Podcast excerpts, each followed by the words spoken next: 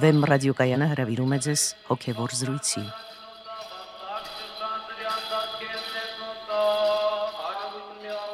Սիրելի ունկնդիրներ, Վեմ ռադիոկայանի եթերում են արժանապատիվ Տեր Մեսրոպ Քահանա Արամյան եւ Արա Սարգսակ Նալչաջյանը։ Այսօրվա մեր զրույցի թեման է գայթակղություն։ Օրհնեցեք Տեր հայր։ Աստված օրհնի։ Տեր հայր Սուրբ Գիրքը բազմիցս անդրադառնում է գայթակղության խնդրին։ Սատանան օծի միջոցով գայթակղեց Եվային, Եվան գայթակղեց Ադամին եւ առասարակ մարդկային ցեղի պատմության հետագա ընթացքում տեսնում ենք, որ մի մարդ մյուսին գայթակղում է։ Բազմաթիվ են այդպիսի օրինակները։ Ոստի եւ Քրիստոս ասում է իր աշակերտներին. անկարելի է որ գայթակղություն չգա, բայց վայ նրան, որի ձեռքով կգա։ Փորձենք սահմանել եւ parzabanել ինչ է այս երևույթը՝ գայթակղություն։ Գայթակղություն նշանակում է սայթակել եւ ընկնել մեղքի մեջ, այսինքն գայթակղվել մեղքով համակվել այդ մեղքը գործելու ցանկությամբ, լծվել այդ մեղքը գործելու ցանկությամբ։ Բայց գայթակղությունը որոշակիորեն կարող է մարդուց մարդ փոխանցվել։ Այսինքն դա շատ հաճախ տեղի է ունենում վատ օրինակի, չար օրինակի միջոցով։ Եվ ընդհանրապես ինչպես հիվանդությունները, այնպես էլ հոգևոր հիվանդությունները, որոնք մեղքերն են, վարակիչ հատկություններ ունեն հենց մեղքի վարակիչ հատկությունը դրսևորվում է գայթակղությամբ, որովհետև մեղքը իր մեջ ունի զանազան հրապույրներ, զանազան խապկանքներ, որոնք ներկայանում են զանազան կեղծ, բարի կամ լավ տեսքերով, այսինքն իբրև թե մարդուն ապարգևում են հաճելի պահեր եւ այլն։ Եվ մարդը գայթակղվում է դրանցով առանց հասկանալու դրա մեջ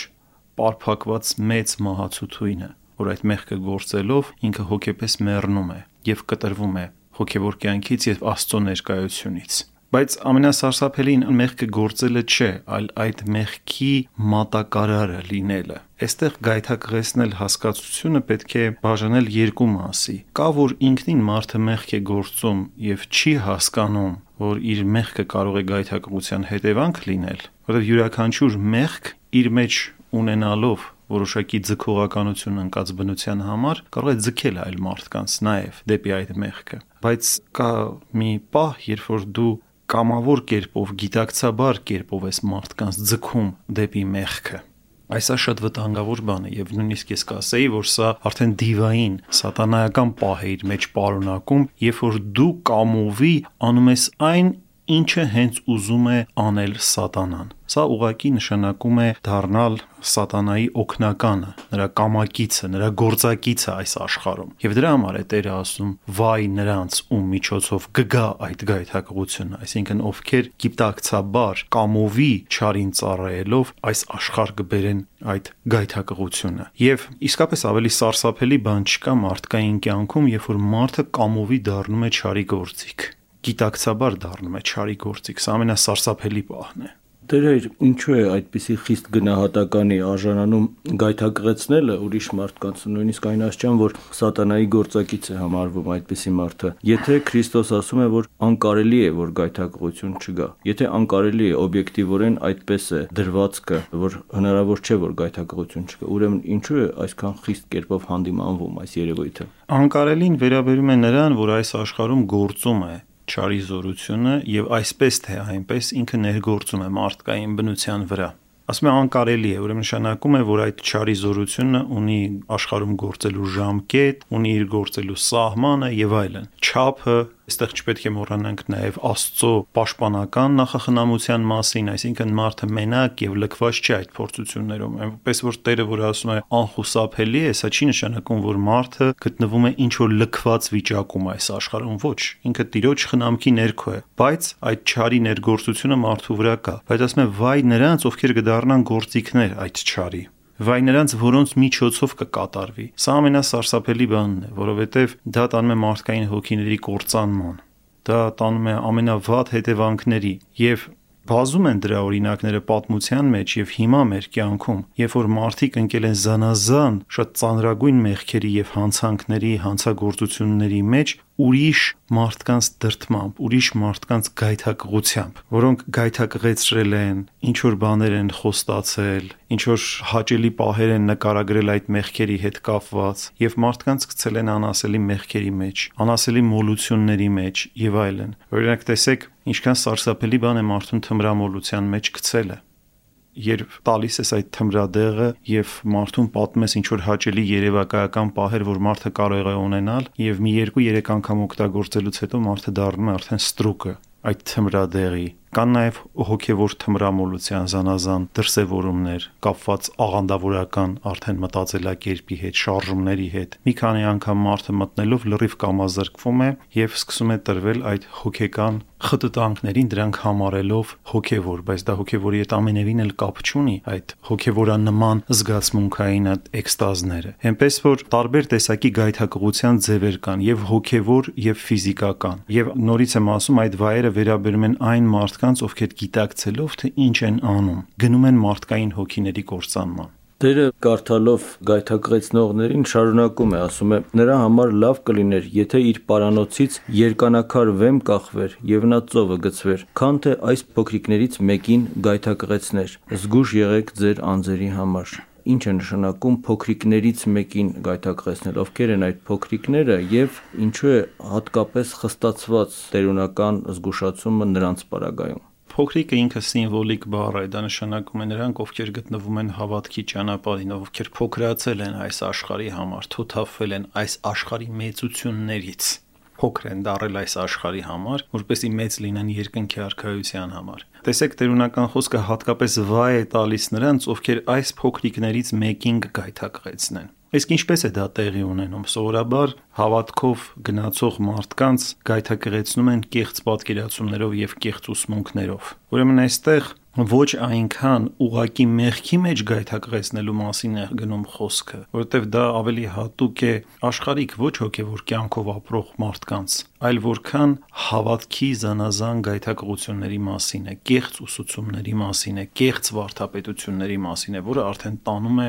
լիակատար հոգևոր կործանման եւ Տերը հատկապես նրանց վերաբերյալ է ասում, որ լավ կլիներ իրենց վզից մի մեծ քար կախեին եւ նետվեին ծովը, քան թե այս փոքրիկներից մեկին գայթակղեցնեին։ Այսինքն այս աշխարհում սերմանեին աղանդավորական ուսմունքներ եւ վարդապետություններ, թյուր ուսմունքներ, որոնք մարդուն շեղում են ճշմարիտ ուղափառ ճանապարից եւ ի վերջո տանում են կործանման։ Եվ հատկապես դրա խիստ բազմացումը տեսնում ենք մեր օրերում 20-րդ դարում, երբ կեղծ խոսքի ազատության տակ բերվում են ամեն տեսակ ծամածրված ուսմունքներ եւ դրանցով հրապուրում են մարդկանց դեպի լիակատար կործանում։ Ուրեմն Տերը հատկապես դրա մասին է զգուշացնում եւ տերունական վայերի շեշտը ուղված է հատկապես դեպի այդ մարդիկ։ Տեր խոսելով գայթակղելու եւ գայթակղեցնելու մասին դուք նշեցիք, որ երկուսն էլ վատ են եւ չար են, եւ սակայն առավել չար է գայթակղեցնելը, քան գայթակղվելը։ Ինչու՞ Ինչով է առավել վատ գայթակղեցնելը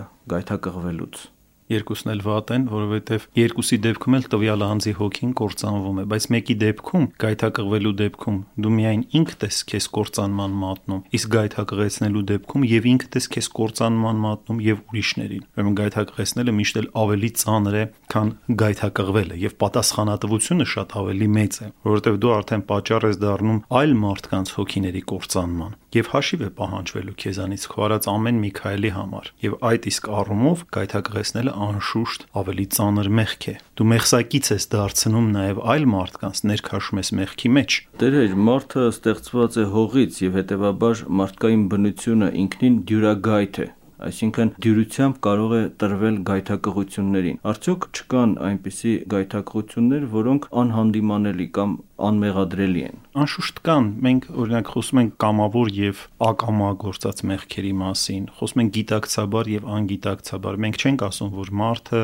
բոլոր գայթակղություններին տրվում է կամովի կերպով կամ գիտակցաբար կերպով։ Ակամա կարող է սա տեղի ունենալ։ Թեպետ սա նույնպես մեղք է բայց թեթև մեղք է եւ ներելի մեղք է, եթե մեկը ակամա եւ չգիտակցելով արեց, բայց հենց որ հասկացա, որ այդ մեղք է, հասկացա, որ դա գայթակղություն է, ցաված դրա համար եւ ապաշխարեց։ Էնպես որ տարբեր տեսակի հանդիմանություններ կան այս մեղքերի համար։ Միշտ մեղքը ծանրանում է, երբ որ կամովին ենք մենք գործում, հասկանալով, որ դա մեղք է, գործում ենք եւ գիտակցաբար ենք գործում։ Նույնիսկ այս դեպքերում էլ կան որոշակի պայմանականություններ։ Նույնիսկ մարդը գիտակցում է, բայց այնքան տկար է մարդու կամքը, այնքան անզոր է մարդը, որ չի կարողանում դիմագրավել։ Կամ ի տեսակ էլ, երբ որ իսկապես ունես այդ հնարավորությունը եւ իսկապես կարող ես դիմագրավել այդ մեղքը եւ դա առանձնապես քեզանից մեծ ճիք ու ջանք չէր պահանջում, բայց դու նորից մտար այդ մեղքի մեջ։ Սա ել ավելի ծանր կամովի գործած մեղք է, երբ որ դու կարող ես դիմադրել եւ չդիմադրեցիր։ Բայց վիճակներ են լինում, որ մարդը իհարկե գնում է կամովի, բայց նա դիմադրողականություն չունի, տկարացած է սաստիկ մեղքերի տակ։ Սովորաբար մարդու դիմադրողականությունը մեծանում է, երբ որ տևապես մարդը լինում է հոգեվոր կյանքի մեջ դեպապես լինում է աղոթքի մեջ եւ այլն։ Դրա համար անշուշտ այն մարդիկ, ովքեր հոգեվոր մեծ աստիճանի են հասել եւ ընկնում են մեղքի մեջ, նրանց պատասխանատվությունը տվյալ մեղքի համար, նույն մեղքի համար, ավելի ծանր կլինի, քան այն մարդկանց համար, ովքեր հոգեվոր այդպիսի աստիճանի չեն հասել։ Տեր Աստվածից միանշանակ դերևս կարելի է եզրակացնել, որ մենք չպետք է լինենք գայթակղվողների մեջ, առավել եւս չպետք է լինենք գայթակղողների մեջ եւ ել առավել խստությամբ չպետք է լինենք մանավանդ փոքրիկներից մեկին տերունական խոսքի համեմատ գայթակղողների թվի մեջ։ Սակայն սա մի կողմն է հարցի։ Մյուս կողմը, որ մարդիկ կարող են գայթակղություն դնել մեր արչև կամ առհասարակ կյանքում մենք կարող ենք հանդիպել գայթակղությունների ինքներս ինչպիսի դիրքորոշում բռնել այս պարագայում որն է քրիստոնյայի դիրքը այս պարագայում յուրաքանչյուր բան, որ հանդիպում է մարդուն, մարդը պետք է ուշի ուշով վերլուծի եւ հասկանա, թե դա ինչ է իրենից ներկայացնում։ Նախ մեր արժեվ կարող են գայթակղությունները դրվել ուղակի եւ անուղակի կերպով Ուղղակին այն է, երբ որ դա իսկապես մեղք է, եւ դու տեսնում ես, որ դա մեղք է, եւ արդեն որոշակի հոգեվոր գիտակցությամբ դու պետք է վերաբերմունք ցույց տաս այդ մեղքի նկատմամբ, այսինքն հրաժարվես այդ մեղքից եւ չգործես դա։ Բայց երբեմն լինում են անուղակի վիճակներ եւ երբեմն լինում են անորոշ վիճակներ, այսինքն չես հասկանում դա մեղք է թե մեղք չէ ինչ որ բան պետք է անես, չես հասկանում դա Աստծո կամքին հաճելի է թե հաճելի չէ։ Այսինքն լինում են խառը եւ խափուսիկ վիճակներ։ Տվյալ վիճակներում խորուրդ է տրվում հատկապես աղոթքով գործել այդ ամենը։ Եվ եթե ուղակի խոչընդոտներ չկան եւ տեսանելի չեն որևէ պատճառներ, որ կարող ենք դա դիտարկել իբրև գայթակղություն կամ մեղք, Աստծուց խնդրելով ընթանալ առաջ։ Այսինքն եթե ինչ որ խուսափելու հնարավորություն չկա, ինչեւ որ པարզ լինի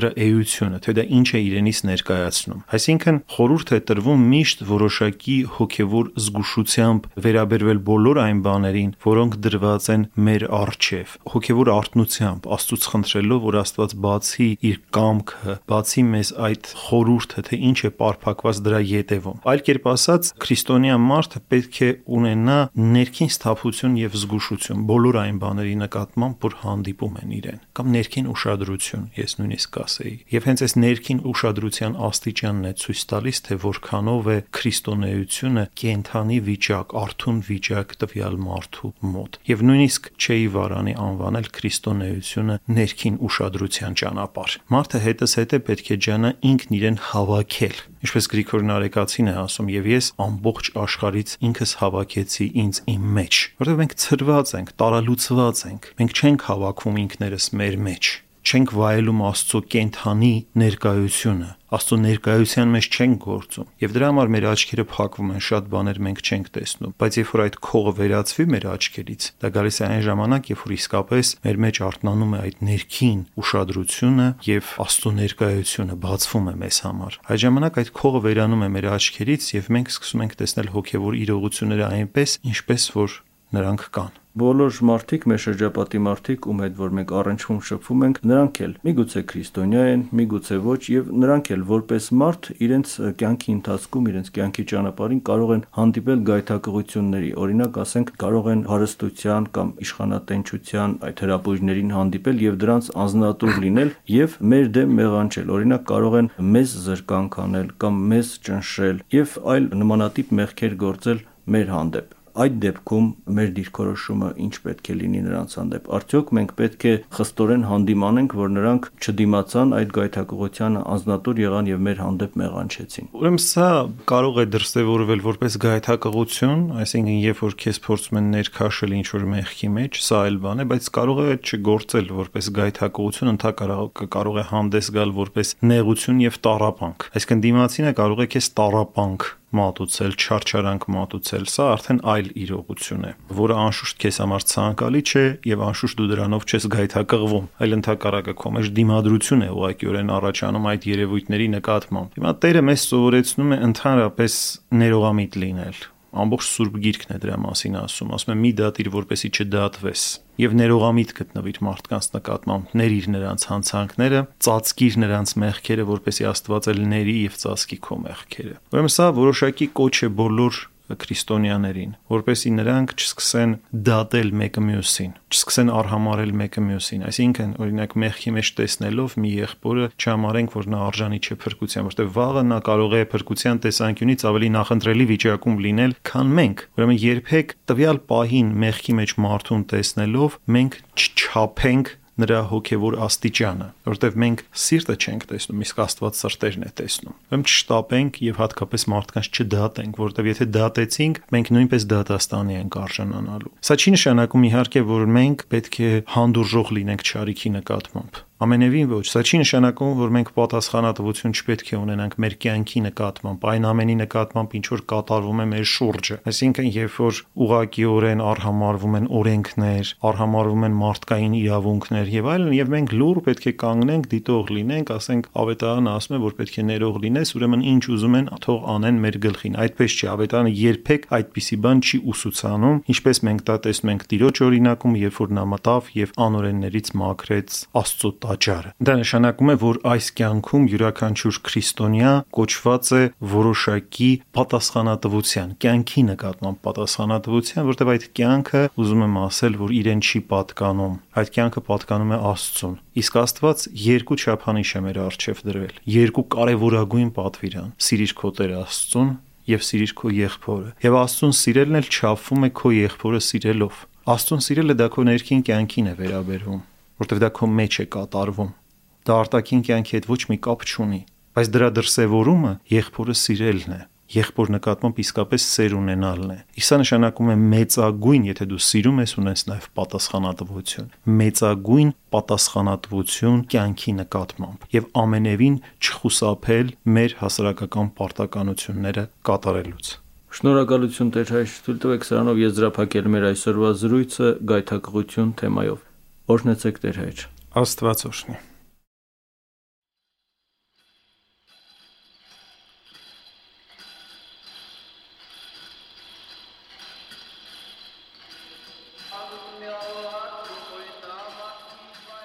Հոգևոր զրույցներ հաղորդաշարի հերթական հաղորդումը վարեց